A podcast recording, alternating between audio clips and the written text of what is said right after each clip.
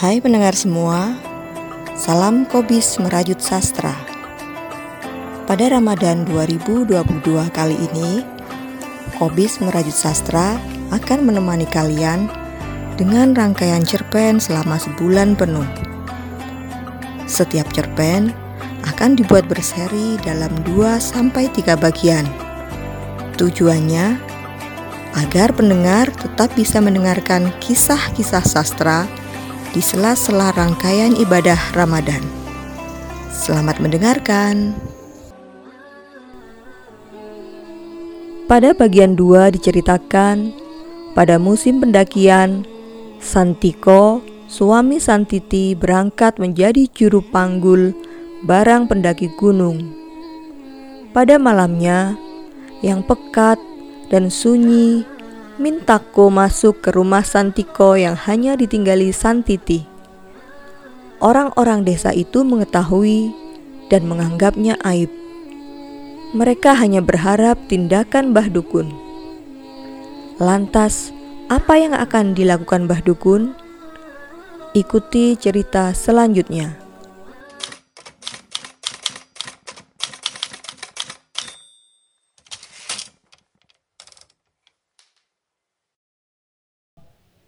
Sembilu, karya Iman Suwongso, bagian ketiga. Sesiang itu, Mbak Dukun belum keluar dari rumahnya. Ia belum berani menemui seorang pun. Ia belum memutuskan tindakan penghapus aib desa ini. Mbak Dukun juga tak sanggup melantunkan mantra-mantra. Ia hanya menundukkan kepala sambil berucap, Semoga keselamatan untuk desa ini. Desa semakin terasa sunyi. Langit tak kuasa menahan duka. Awan makin pekat, tiada celah. Badukun berkali-kali mendongakkan penglihatannya ke arah gumpalan awan.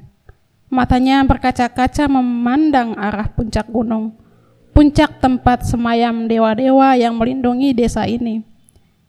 Ketika cahaya yang menyelimuti desa makin redup, Mbah Dukun masih mengarahkan pandangannya ke puncak gunung yang makin petak, pekat tertutup awan.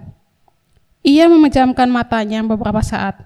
Tiba-tiba matanya meneteskan air dari sudutnya. Dia datang, gumamnya sambil membelalakan mata. Seketika, Mbak Dukun melompat keluar rumah. Ia akan mengabarkan kedatangan awan pekat bergulung-gulung dari puncak gunung yang dilihat dengan mata hatinya kepada setiap orang penghuni desa. Ia setengah berlari menjumpai kerumunan orang di ladang, di pinggir jalan, dan di tanah lapang. Ia memerintahkan orang-orang untuk segera berlindung di rumah masing-masing. Namun, orang-orang yang dijumpainya tidak mau beranjak dari tempatnya. Mereka hanya memandang Mbah Dukun yang bertingkah seperti orang kesurupan. Di antara mereka ada yang bergumam, Panutan kita sudah kehilangan kesadarannya. Petaka itu pasti datang. Tidak begitu lama, dan ketika kabar Mbah Dukun belum sampai ke semua penghuni desa ini, udara mendadak dingin. Ada uap air yang mulai turun ke bumi. Awan di langit makin pekat. Tiba-tiba pula angin menggoyang pohon-pohon cemara. Semula hanya terdengar suara desas, gesekan daun-daun jarum cemara. Kemudian angin membesar, meliuk-liukan batang-batangnya. Bersamaan serbuan angin, hujan lebat seketika Hujan salamangsa. Orang-orang kampung berhamburan untuk rumah masing-masing. Badukun sampai rumahnya sudah basah kuyup. Badukun memandang alam yang mengamuk dari jendela rumahnya. Wajahnya pucat, tubuhnya yang gemetar. Tanah yang menghampar tak mampu menampung air bah. Tanah humus peladangan tergerus alirannya. Menjadi banjir lumpur yang bergolong-golong. Mbah Dukun mondar-mandir dari satu jendela ke jendela lainnya. Dari jendela dapur ia menyaksikan air bercampur lumpur mulai memenuhi lembah dan danau. Tidak terlihat lagi danau yang kerap mereka keramatkan. Mbah Dukun kembali ke jendela ruang tamu. Ia melihat hujan dan banjir itu tak memiliki ujung penghabisan. Selokan besar dekat rumah Santini juga penuh aliran air pekat kecoklatan. Saat matanya menancap pada rumah adik istrinya, pintu rumahnya terbuka. Ia melihat perempuan dengan rambut terurai keluar rumah, berlari menerjang hujan. Mbah Dukun menyaksikan Santini melompat ke selokan. Seketika tubuhnya ditelan arus banjir, menyisakan rambut yang panjang berkibar di permukaan riak air. Mbah Dukun melompat dari jendela, berteriak memanggil Santini. Istri Mbah Dukun mengikuti suaminya, namun langkahnya terhenti depan pintu. Air matanya menderas, bibirnya membiru bergetar. Dari kejauhan terdengar sayup-sayup suara Mbak Dukun yang ditelan suara hujan. Santini! Gunung yang menjulang tertutup awan pekat. Pohon-pohon cemara beku diselimuti kabut. Seluruh dataran desa remang-remang. Langit seperti telah runtuh.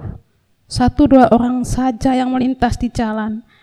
Pasti memang ada yang dicari sampai mereka keluar rumah.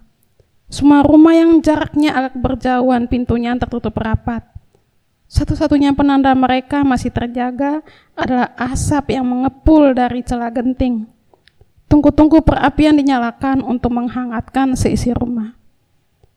Saat pagi tiba, Mbak Dukun seperti mayat yang berdiri di bingkai jendela. Matanya memandang desanya yang tenggelam.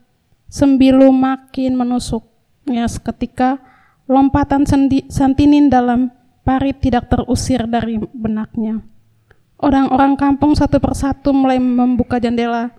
Mereka seperti lukisan mati memandang desanya yang tenggelam dari bingkai jendela. Mereka juga mulai mendengar tentang Santini yang tenggelam. Sejak itu, orang-orang penghuni desa ini selalu mengenang tentang tenggelamnya desa mereka, juga mengenang tentang Santini.